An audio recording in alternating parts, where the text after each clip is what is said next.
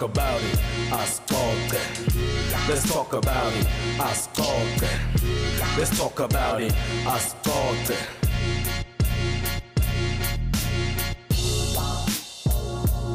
episode 16 i-asixoxe naprince vilakazi pressa follow la ku-soundcloud utothola onke lama-episode from episode 1 tofika i-episode yanamuhla ke sibuye ngalenye indlela uma ngabe ukhumbula sibe ne-episode na-bbc ngishito ukuthi kungenteka it might ukuthi banominate le hlelo leli or banominate mina? So sibuye kune-nomination banginominate as a best radio presenter kuma live your dream awards sa so ngirepresenta impumalanga as a best radio presenter. Mhla ka-20 ya 20 november ngilakutobana le ceremony khona la kuze ngilanza le award. So kuze ngilanze nayi award nayi kudzinga ukuthi ungi-sms-ele indlela lo sms-a ngayo usebenzisa ama-capital letter lathi l y d then 038 u-sms-a kuyinamba lethi 45633 again ngiyaphinza indlela lo sms-a ngayo u-sms-a ama-capital letter lethi l y d 038 inamba lo sms-a kuyo ithi 4 5633 i-SMS ke into okucharge nga 150 kukuwe ukuthi u-SMS akayingakhi ke akunankinga noma SMS akayi100 kayi200 lokubalekile ukuthi nayi award sibuye nayo la Mpumalanga. Khuluma ngema awards ngasicala ke kuyobe kunema Mpumalanga Media Awards uyakhumbula ke ukuthi bekufuna ngibe nabo. But asikabi nabo. Congratulations kubo bonke ke laba banominate la sithembe ukuthi batobuya nawo lama award lawa. Then laba yithi lesibe nabo la kule show le 1 ngisiyanda maziya. Ufikela kule show akusemi finalist i hope umvotele ke nyalo kuma finalist ke Miss Teen Universe South Africa ke then sekufuna simvotela phinza abe ne win lomunye lesimhalalisela ku BBC ufike la aku top 3 yema radio presenters ke kuma presenter search ugcine awina ke then ngaleyo ndlela wafika ku number 1 so ngijabula yonke isupport leni banayo ngaso sonke isikhathi. Kungena namuhla ke sivakashitsa namuhla ku future yema CEO empumalanga ku music industry this is one of the guys loyo bakhona but ku different ngoba akasi CEO kumbe aka own le label uphinze ul artist uyi video director uyaperforma nokuperforma aphinza abe music producer. Kulesikhathi samanje if mangabe uthanza amapiano usiviko sethu kuma producer la khona la empumalanga ke angikhulumi lapha bathona lesinye isiviko nyalo akusafani ke nakudzala ukuthi mangabe kutofika ama artists sithi nema artists lamakhulu. Nyalo sengini ma artists lamakhulu la? Ngiyathemba nithi sempile kude ngiyacabanga lo wangalwisa ukuthi i production yethu kufana nalento yase America ukuthi bathi production yase South Africa lo nyalo kuma piano nonke niyalingana. Siyalingana nange number kufuna baye ukuthi bathembe ngakanani. Mm. so beside ku director nok owner i label nokuba al artist yini lokunye lokwendako la ku music industry? Ah lokunye lengikwentako eh but lokubalile wena ngathi ngiko leyo the most lengikwentako cause yo the whole music industry ngiphethe ngedandla phela, ngeka yonke into. Noma ungangibita kuphi Yeah. ngiyavela. Ngiyajabula uya- production uyatikhulumela because nginento bengifuna kuyati ukuthi us- uya- uyaphumula because recently ngilo- ngilokutshela ukuthi ngubonephi ngifuna kwathi ukuthi uyasithola isikhathi sokuphumula. Ayi khuluma amaqiniso futhi isikhathi sekuphumula kude. Usasebenza because ngigcine usebenza ngaphandle kwa ku music industry bona ah unfortunately angisasipani oh. Okay i will be holding a business soon. Then uh i So- outside music? Yeah outside music. Just to ngikhona ukumaintain life yami yabona? Ngikhona nokuphusha music. Because music udzinga imali though. Yeah. and udzinga nesikhathi. Eh, yini lo gcine ngako? Because mina ngubone ku event yema i competition lebeyikhona i bathi ni poetry ufuna lokugcine ngako? Yini ogcine ngako? The day after Mm. Ngiye ngayo director lenye video Hey. ngiye ngayo direct video Yeah. eh bakumbite ngala lamanye amajita ami akakhalini ne Mm. bekashoota music video Sure, se i recommend mina for i ukuthi ngiyo director music video wabo okay isivakashi sethu namuhla la ke kwasixoxa na Prince Vilakazi in Quiet Soul i don't understand ukuthi why uname nga Quiet Soul because your career or whatever lo business loud. is not quiet i understand okay. It's loud. Okay quiet soul lena nganikwa abangani bami then before ngiqala umusic la. Babona i personality yami ukuthi okay this guy is so quiet yeah, yeah. then we can call him quiet soul. Hey, his soul is so quiet. Okay. But then the music is not quiet. Yeah it's different. It's different Ang- asibuyele enkomazi because ngila watalelwa khona. Then ukhule njani enkomazi? Ng- ngiliphi igama le- noma amagama lebanginike wona endlini? Because ngeligama mhlambe lesingala nyalo vele because so brand even nemuntu omzala ngendlela maybe singasahloniphi ngabe bangakubuza ukuthi wathi quiet soul i understand. But i- kulanza umlando wakho from endlini ukhule njani? Ukhuliswa ngibani then ngimaphi amagama lebanginika wona? Igama lami lekuqala nginikwe ngumakwami wathi ngimi wathi ngimi surprise okay. Then gogo wangithi ngimkhethumusi khetha umuzi. Eh.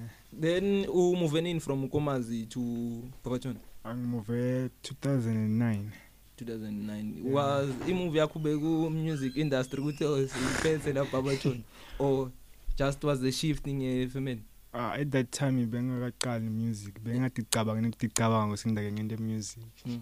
just bekuyi movement nje ukuthi ng- eh ifamily family issues. Then yasilidela kusite la Barberton then yini lebe ufuna kuyenda mhlambe mawusakhula? Mina nje angikhani ngisakhula ngicabangela nje i-career le normal like being a soldier. That's not normal. That's not normal. Like being a doctor or a police or something Yeah, but then you- music but- was in like mara sometimes ngicabanga ukuthi okay what if i can join music industry and then uh ngikuhamba kwesikhathi ish kwendeka bona. Ungene njani la ku music industry? Music industry eh eh story se music industry esikhulu kakhulu yeah oh we Ngoba- have done this show don't worry ngoba ngendlela saqala ngayo ne Mm. like uh bekukubhore kanyana ne Mm. then there's this other guy wang wanginika i-PC yabo okay then mangithola le PC I used to play games on the PC ngidlala ama game agcina seka ngibhora yeah yeah then a friend of mine came with this down eh? Mm. like i-FL okay Wa- install. Fruity Loop yeah Mm. iprogram yokwenza music. Yeah wa installa laphana then ngimbona ushaya ama beat lapha. Hey nami sengiba interested. Uzudlalisa nenhloko there's no beat but udlalisa wena Mm. sengaba interested like lento because le PC beyihlale nami. So yeah. I've been going through that PC or on that FL so long nami ngi- busy. I'm trying to do some beat there. Yeah yeah. But then fortunate enough uh, esondweni mm. Bengidlala i-keyboard ne. okay then laphana bangikhombisa ukuthi okay khona lo dlala khona ama keys nani nani Mm.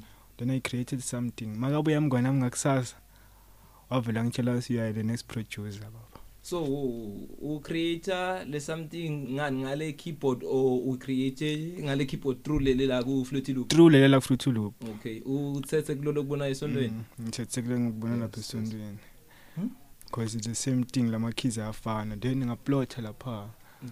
then something came up like this is music musa I can do more. Oh okay. Eh uthasha indzaba yasesondweni kunento lengifuna ukuyibuza le baleke kabi la. Eh ngihappy ukuthi uyiproducer ne? Mm. wani njengoba uthi ukwathi ukudlala i-keyboard asicale mani ndawo music ngale Fruity Loop. Uyakhona ku create i beat then l artist lite kutolandzela le beat or uthole inspiration. Ngifuna kuva ukuthi like manje sesondweni kwente kanjani ukuthi kucale umculi acule then ukhone kulandzela le ngoma wena ngale keyboard usuke uyathi njani le ngoma leya okay lapho ke ku easy Mm. i-teacher yakho mayikufundisa i-keyboard ne Mm. ikufundisa onke lama keys what like a b c d e f g Yeah. yabo ukuthi uyakhona ukukhuluma lokho ke yeah without thinking kakhulu Mm. then nalapha duke keyboard njalo lama keys uyawathi maka makashanga high note uyathi kus already so ubambe kuphi yabona. Mhm.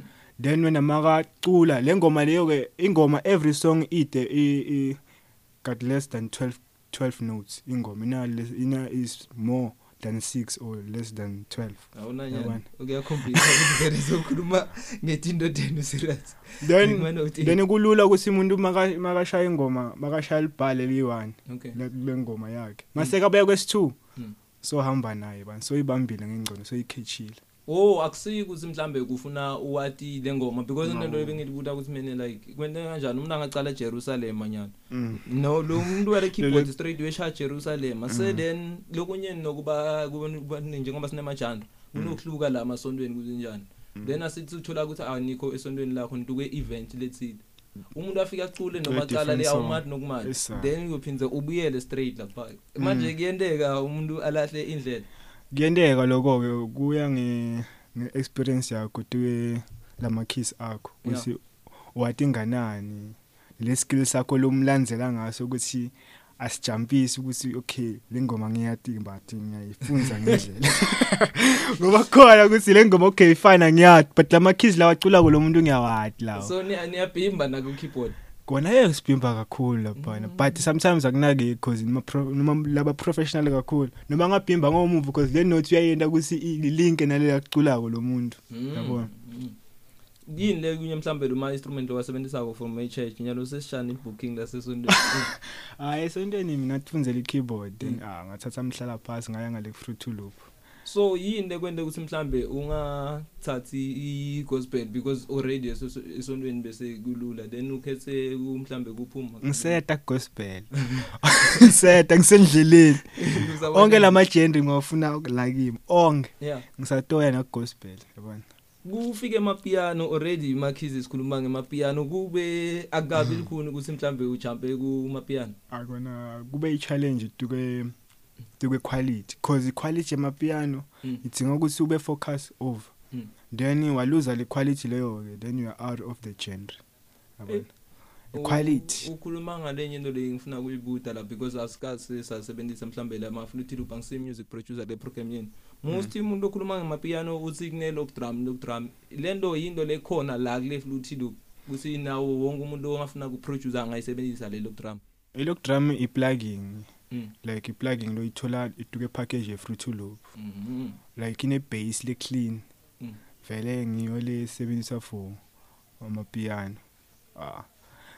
Vele waze waba nayo like uyawe- yayiva nangendlela eshaya ngayo ukuthi this is amapiano. Le quality ngiyo leletha le quality lapha kule ngoma yakho. Then ukuthi le from ngoma there ishaye. la ekerk nini la uqala khona ukuthi okay yathi ngithathe i-career yami ye-music serious?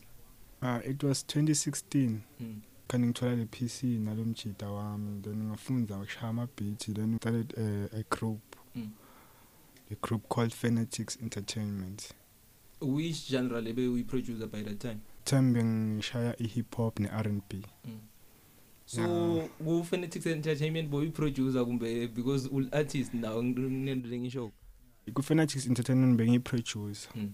Futhi ngil-artist singing artist rapping artist uh, like Bengizafuna uku- trapping ngoba ngisengeva doing all the stuff urapper i know nge I got i-album i-IV Walls ngayirelease 2017 ngayi under i Fanatics Entertainment ina 13 songs I guess Hmm.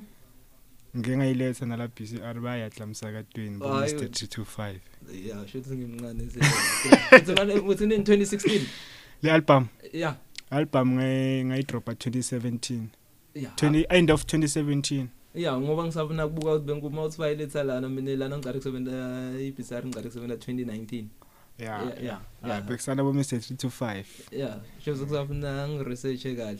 Yeah then iphi le le label beyikube ilapha wethona yeah bese Barberton label khona la Barberton extension 14 then yini le yakwenda ukuthi okay umuve uqale i Lady Chine njengoba bengitike Fanatics Entertainment ne besinema member lambalwa maybe about 6 members. Mhm then ngikhamba kwesikhathi labanye abantu because besesikolweni at that time mhm labanye saseparate labanye sebase varsity oh yeah labanye yeah. sekubakosa ukuthi baye kuphi kuphi then i movement ye music seyemanyana mina ezi like mina vele music ngiyawuthanda ngikhona nje kuphila ngaphandle kwawo esikele bothi akume kancane le kwabo ah oversity bama kancane.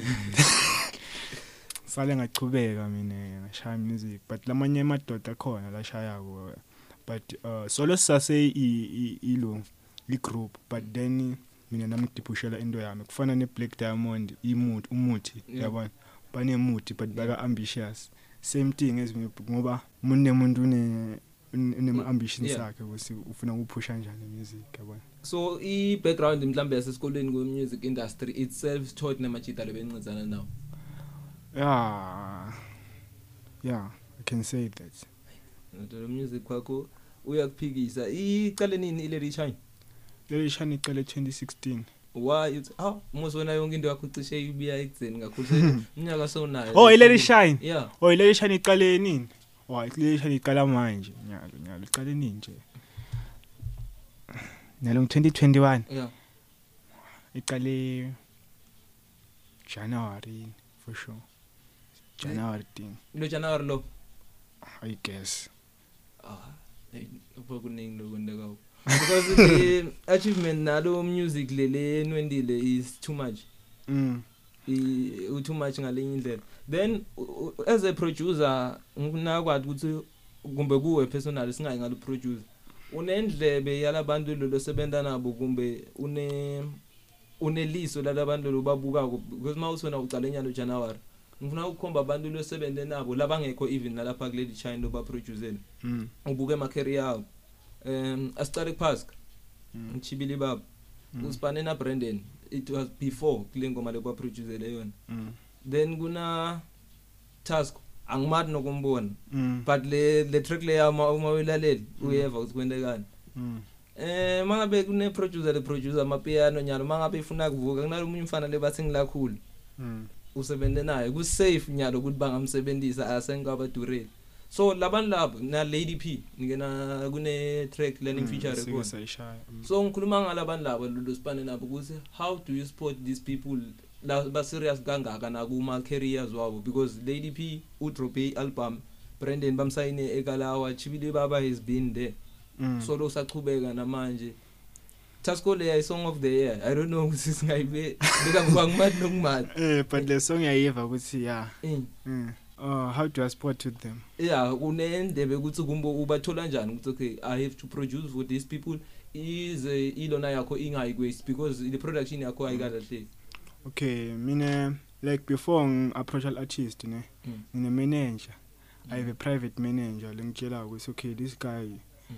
uh, we can do something ngaye like ivoice yakhe isharp ukuthi singashaya ingoma le so so so so so. Mm. senami ngiloko-ke ngiyakubuka ukuthi okay idea le-grand ukuthi okay we can work with this someone ne Mm. then plus nami ma masirecorda Mm. angikuyekile nje ukuthi ah okay let's record so ngibhala ukuthi ibhalele right na wrong ngiyamathi. Mm. right na wrong ngiyamathi. Into le right ngiyakho ukuthi le lokhu ku right mara mangabe ku wrong i'm sorry to say this but angifihleli ngiyakutshela ukuthi okay this one is wrong baba you have to start afresh. Yeah phela as ngimangisho ukuthi like umusic wenu ngisengeva maybe la nga complain khona unless ukuthi maybe angathi kumbe khona le ufike ungiphambanisele ngakho. Understand? Ngiyo ukuthi mina okay usport kanjani nalabantu lo sipana nabo ukuthi le confident mm. uba nayo ukuthi okay ngiyaya kulomuntu loya asedudu ngiyo bengibutlela lokho.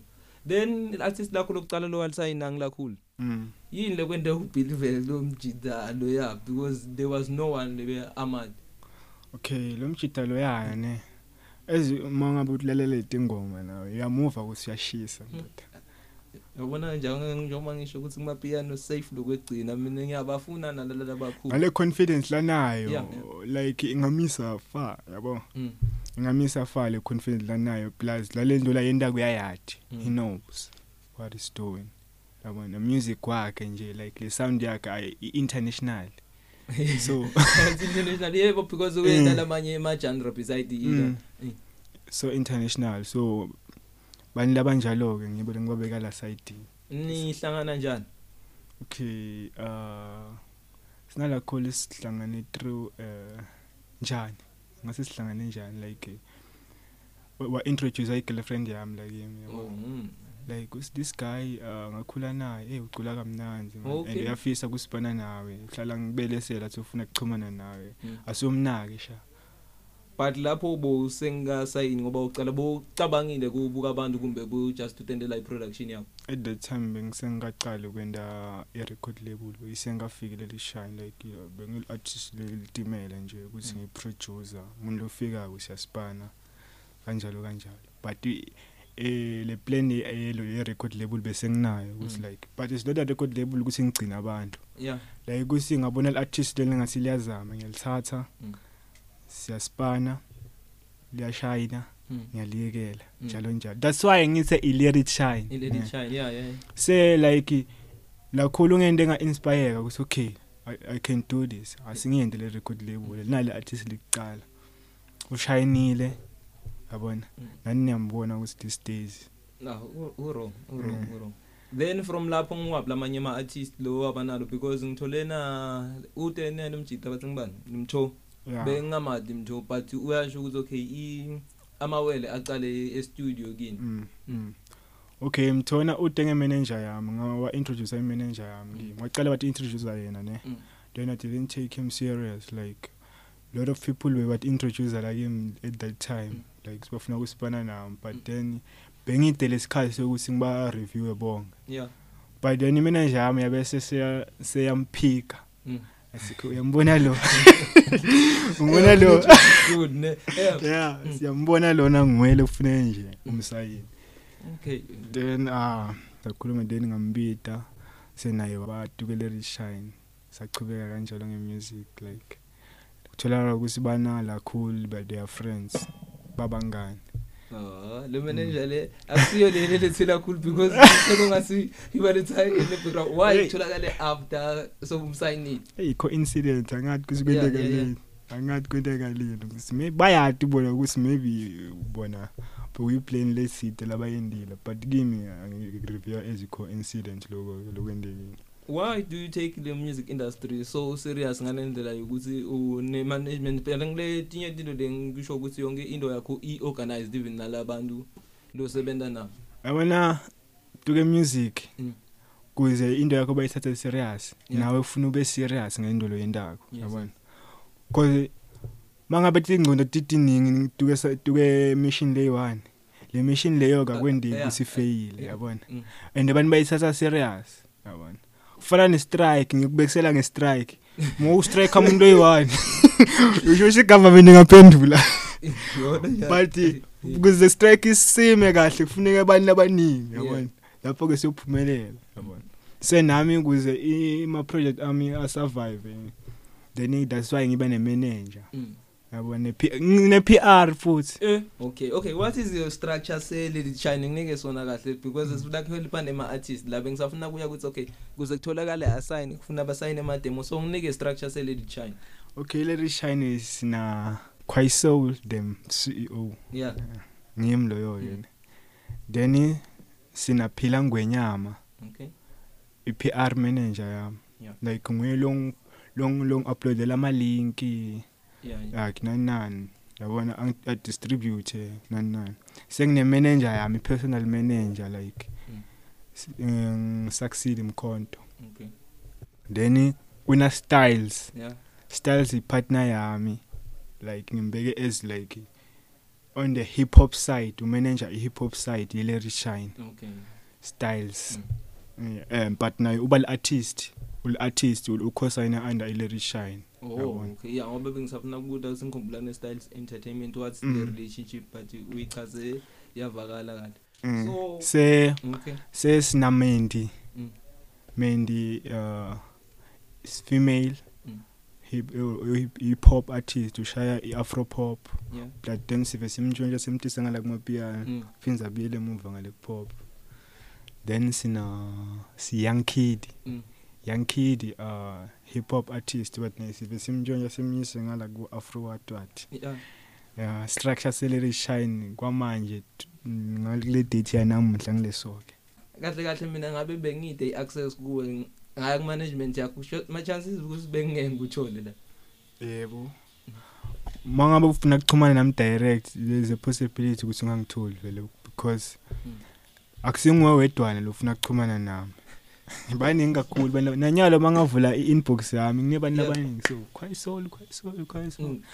but mawufuna ukukhuluma nami ufuna uyetukela page yeah la ka Larry Shine ufike Yeah. uinboxele lona i-PR manager yami itokuphendula lapho usakhuluma ngalento leyo kwenteke nge-social media yakho because bengisafuna ukuva Yo. ukuthi ngiko konke sorry ngokuvusela tinhlelo eish kwenteke eish Mm. yabona labantu bekuscam ama page lento yabo usi Facebook yami ngilinkene Instagram ne yeah yeah then Yes. kusebenzisana kuyi2 mm.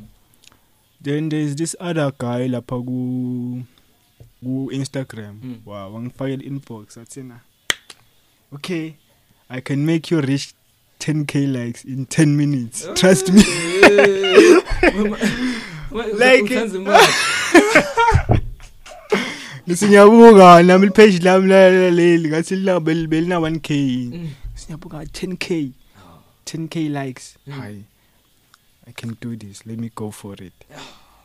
Okay. Man okay before sifika le what are the benefits? Net wofuna just lama likes. Yeah bengifuna lama likes. Like kuthi unama followers like 10 10000 followers on Yo. Instagram yeah phela mala masola kule level leyo sel celeb lokwacobo i warning to kubantu labasha lena because mina Eh. ngitshela kunalenye indlela lengitholile lebahekhana ngayo ku Facebook but i didn't thought ukuthi bakhekhe ngalendlela le and ngendlela lento isimple ngaye bakhekha ngaye ngoqabanga Mm. because uyicabanga sebacedzile so ayibona le process lo muntu kuthi yes simusulo komuntu lokho hayi kungimoshile so kwendekeni ubhadalile buka ngisale ngasikhathi story sakho buyena so kahle. Bakakutshela ukuthi okay now ama likes langaka awubhadari imali lapha. Eh, lo muntu ustola le le account yakho uyayi-accessa bese wena uyakukhansela ukuthi awubi ne-access kuyo. But then u- lokho kukwenta ngendlela lesimbulu longeke uyi- uyi-understand nawe longeke uyithathele tulo. So Like- yinzaba approach wena ngile following lolo nayo? Shothini ubonela ama-likes ami lathi 1.2 k. Usiyabuka. Liphage lasingintsho nje ngolithengisela someone else Hmm? shothi indlela yakhe yekwenta im- yekwenta imali leyo. Bu- umuntu nje amapage ebantu bese uyothengisela labanye ngifuna kuvisisa because nyalo ngize ngiyibude so there's a page ipage leli page lokulike then bona ama personal account akho ayi2 beside lelo oyisebenzisa nyalo. Mm. so kwendekeni kulimele konke konke konke konke. Akulimele le account lucky enough yabo? Le le page la ma page am onke ngiwanike access for ku to manager yami Management, yes. eh imanager yami yakhona ku access lapha and futhi nayo eh, tinto tema IT nani yati yatigena ke then yalanza le page le le lokulele lishine phindze kanjalo le page lama sikakhona kulanza because beke access kulo Mm. Lalo bese linawo ma likes lethi 1000 something Ah, But then ngiyafuna ngiqale ukukhanda, phasi. mara azifunda kakhalelwa at least uyisifundzele sifundo and uh, i'm happy ukuthi udlulisele into lena na nakulabalalele la because ba- baningi labavele ba net ngoba kude umuntu ofuna veta liqiniso njengabo. Mm. baningi labavele bahekhwa lamalanga lawo but yeah umuntu akaveli ukuthi uhekhwe njani i understand. Ish. and babatargetile kanti ngenteka ngendlela leyo ba-approach ngayo yona. lo muntu like ufika la kwa athi okay thatha le im- ukusendela i-email. Asile email leyo ngicela uyifake ngale tuke lapha uyifake ngale kuwe le email. Once wona thatha le email oyifaka ngale ureplace ngale yakakho. Hmm. le yakakho seyikhanselekile shothi kahle kahle wena umnike account yakho wena. So le email le email uyifaka tuke account yakho. Seyakhe nje account ayisasiyakho awusana access. Eh, eh ngisifundzile isifundo sakho. Ayinalo abanye batufundza lapha but hey eh akusi- akusimdlalo like lento le yendeka lapha because let's say njengoba usho ukuthi bawuto ba celebrity asisibone ama sponsor lebenawo nani nani. Kutoba inkinga. Boyiluza yonke even nalento le. Kuk affect ngakanani asiye kuk affectile wena?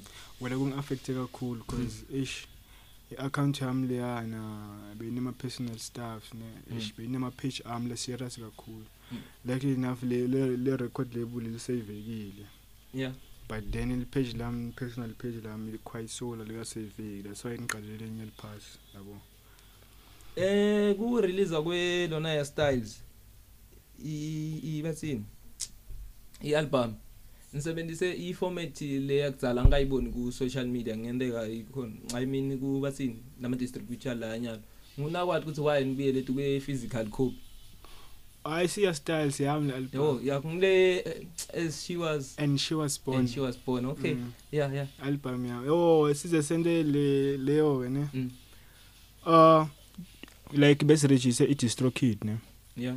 Siyarejistile nani washoda ukuthi sende ama-payments. Mm. but then before sendela ama-payments be- bengicabangile ukuthi okay what about si-create ama- ama-disk? Okay Yabona. yeah. Sicontribute like imali si- sende ama-disk siwathengise sibuka ukuthi le profit yakadistro kid nalena kusiyofana iyofana yini? Okay yeah Eh. yeah. Okay distro kid ngilaba distributor music okay. Then sabe sesafocus kakhulu ngala kula ma-disk. Yeah. Then sayifaka nangala ku-youtube. Mm. but then ngalati kwema-disk sibone ngasi i-profit yakhona ngasiyabona bonakala yabona? yeah yeah. And esho indlela yethu nathi lesha le hayi lesha ledzala but ledzala si- but iyanisebenzela siyilethile futhi again. And abantu baye- sebayicabanga nabo sebayisukumela mababona ukuthi thengise 10 copies per day every day. Like eh, 50 rand per copy. Mm. yabona bese uyabuka le mali leyo loyendile ukuthi ngimalini. So yabona i promotion yakho i good ngale ndlela because i remember ne music video. Ni- ni- niye ko promoter um music video. Mm. Um music sayeka video. ulaunch yeah. Mm. I understand. So ni plan kanjani like sifundisa mhlambe labanye because nene nisho ukuthi le level len operator ngayo ene akubonakala ibonakala lo msebenzi you understand. Mm Eh, kushayina lo msebenzi na record label kunokuthi maybe kushayine umuntu loyiwane as a star wonke lo msebenzi shana lo uyashaya. msebenzi. Eh. So oh yini yini lento lena into nibe formal what's a discussion mangabe niku meeting okay ninga- ungashare ukuthi into wendani nyalo nani nani but yini lento lena yenda niyayithi nibe formal and understandane nikhona ukuphumelela kule into lena entendako okay sinale believe ukuthi yonke project lekhona regardless ukuthi yakho wedwana Mm. but nje mangabe um, like artist isi le release something Mm. nami ngithatha as like lendo yami sisasa serious sonke siyahlanganisa tinhloko siya contributor sonke ngetingcilo tethu nanga even financial Mm. ukuthi sikhone kuyileke yonke into lesiyenta kusiyithatha serious even noma ngabe ingoma lengasi nje ayithi ishu kahle sine singayithatha serious into ibona ngathi wena lengoma ingoma even nengoma lekawe siyente ngathi besitidlalela but base siyicedzile Mm. Siyithatha serious vele yonke into siyithatha serious sifuna ukuyikhiphela imali. That's why ne-equipment lesirecorda ngayo ma mangwasibuta ibudget yayo Mm. yabona unga ungafuna ne- nekumangala ukuthi yabona le mali le mali engaka nje spenda just for music longakubhadari yeah yeah. Yabona? Yonke into lesiyentako sayikhiphela ephakethini vele. Kusebenza imali nyalo lesikhathi samanje. That's why vele nokuthi uthi ufike kimi uthi ufuna to recorder for free akusindo longindeka noma kunini. Akusindo lengayivumela yabona? Unless ngibone something potential kuwe ukuthi okay music uthatha serious kanganani Mm, yabo? but then ufika nje ah, like ufuna kurecorda nje wena nje like uthi ibhorekele Mm. athi ngijike lapha khwese linye record ah then cesa lapho leti ngoma leti ufuneka ukudlalelela wena endlini. Yeah. Yabona? Ngileyo lebulala ama artist lanyalo yabo mm. ushaya ingoma moon like i record i record i record icethe uyive kho le ngoma emnanzi. Yeah. Then i-distribution next soyihlala ayilalela endlini noma vise abangani bakhe. Hey. akayiphusha ufuna kurekhoda every day futhi inkinga yakhe umuntu? Every day ufuna kurekhoda nine i-success ye-label because it's nine months nyani Mm. Since uqalile uyayibona okay yakula ma-cd yasekelele ama-cd kuqala ngoba into yenyani Eh, because sikhulumana nge-investor i-investment leyo yendako kuma i- ku-equipment niyayibona yini in terms of making money? Ma-gigs niwatholile mm. maningi.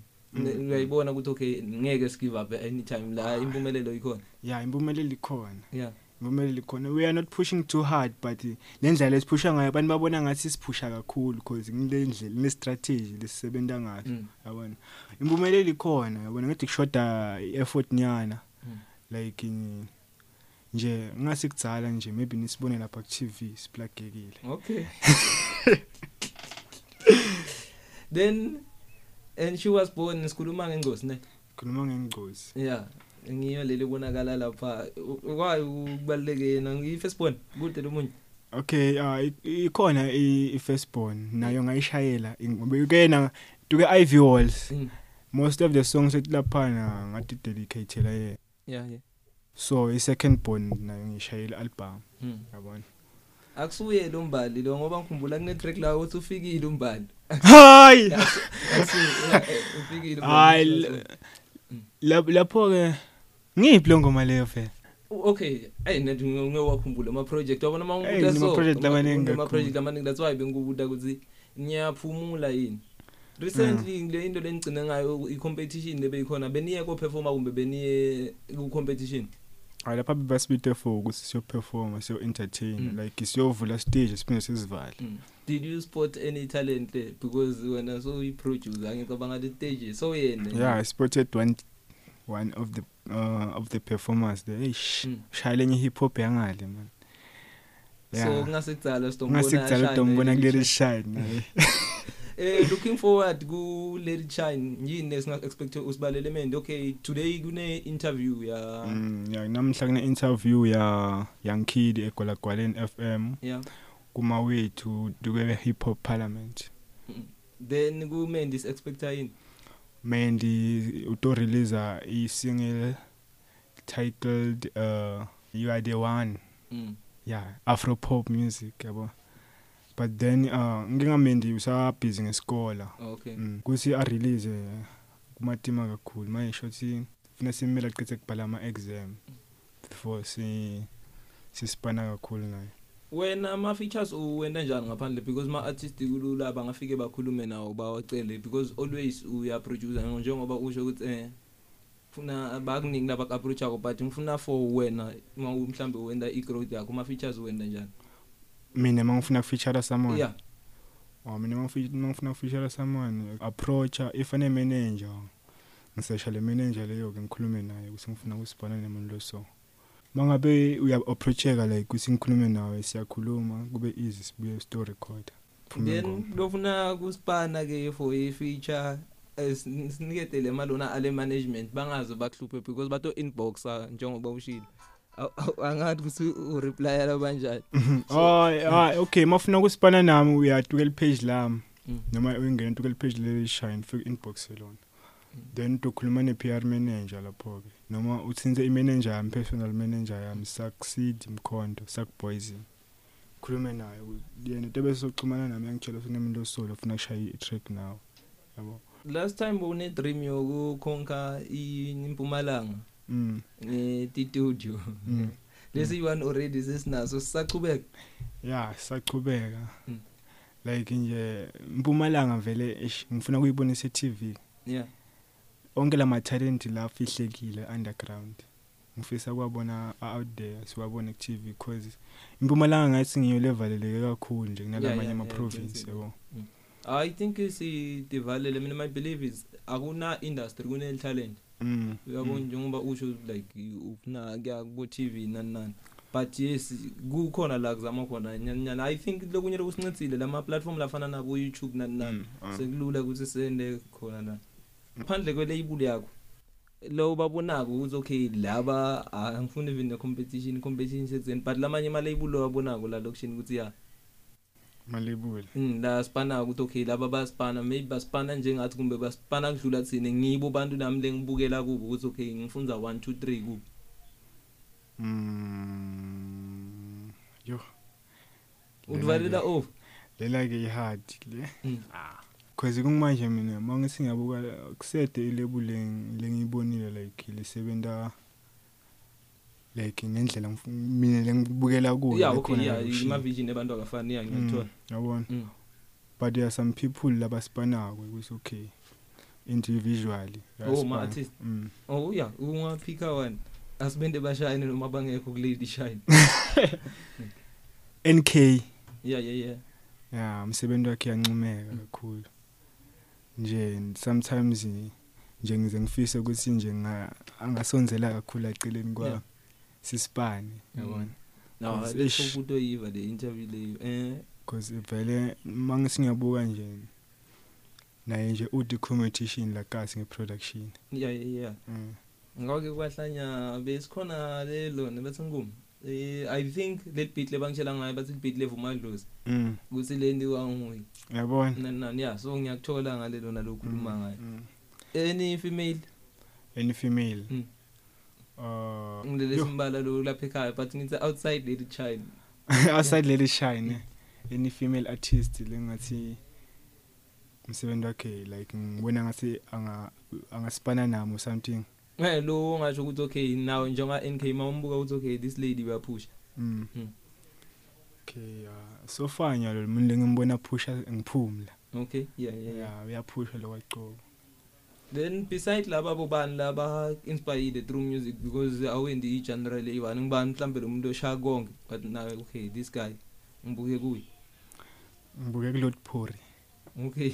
Hayi ya angilunguli Lord phori yena nguyena bita ka Lord phori ha eish inspire kakhulu le art yeah inspire kakhulu vele ngibukele kuyo that's why nami vele ngifuna ukuthi i-industry yasempumalanga iphakamiswe ngimi yabona because nayo kukhonile ukuthi abambe industry.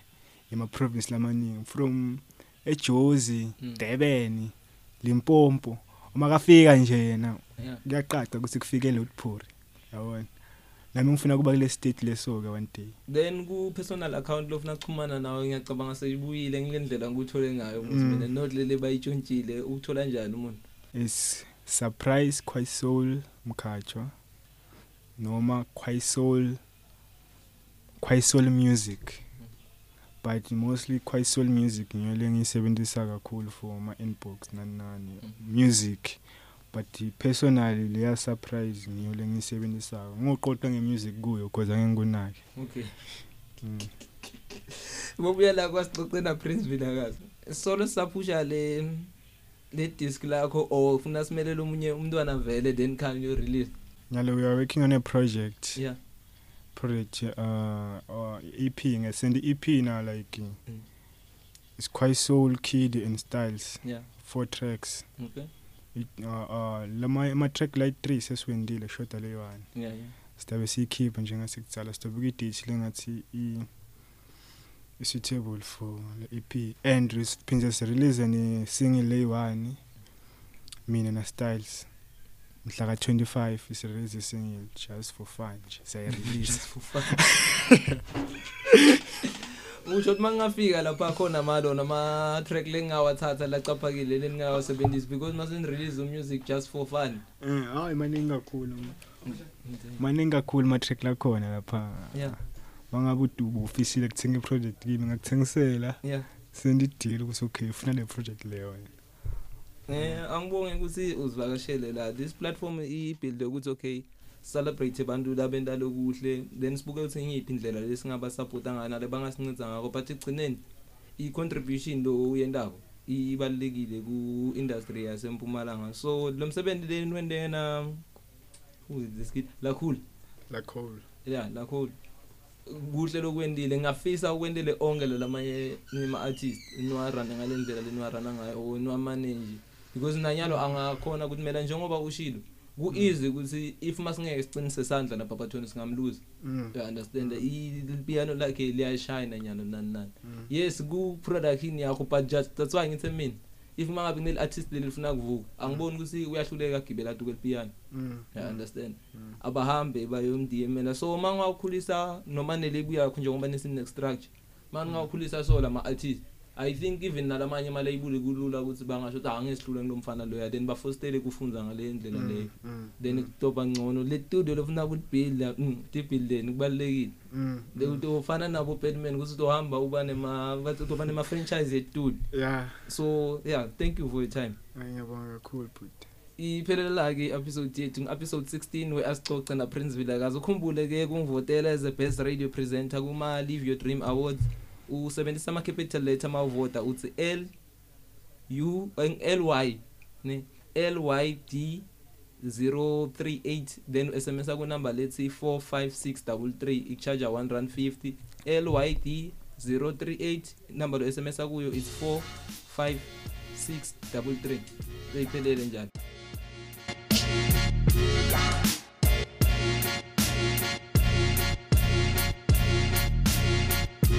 Talk about it. Ascolta. Let's talk about it. Ascolta. Let's talk about it. Ascolta.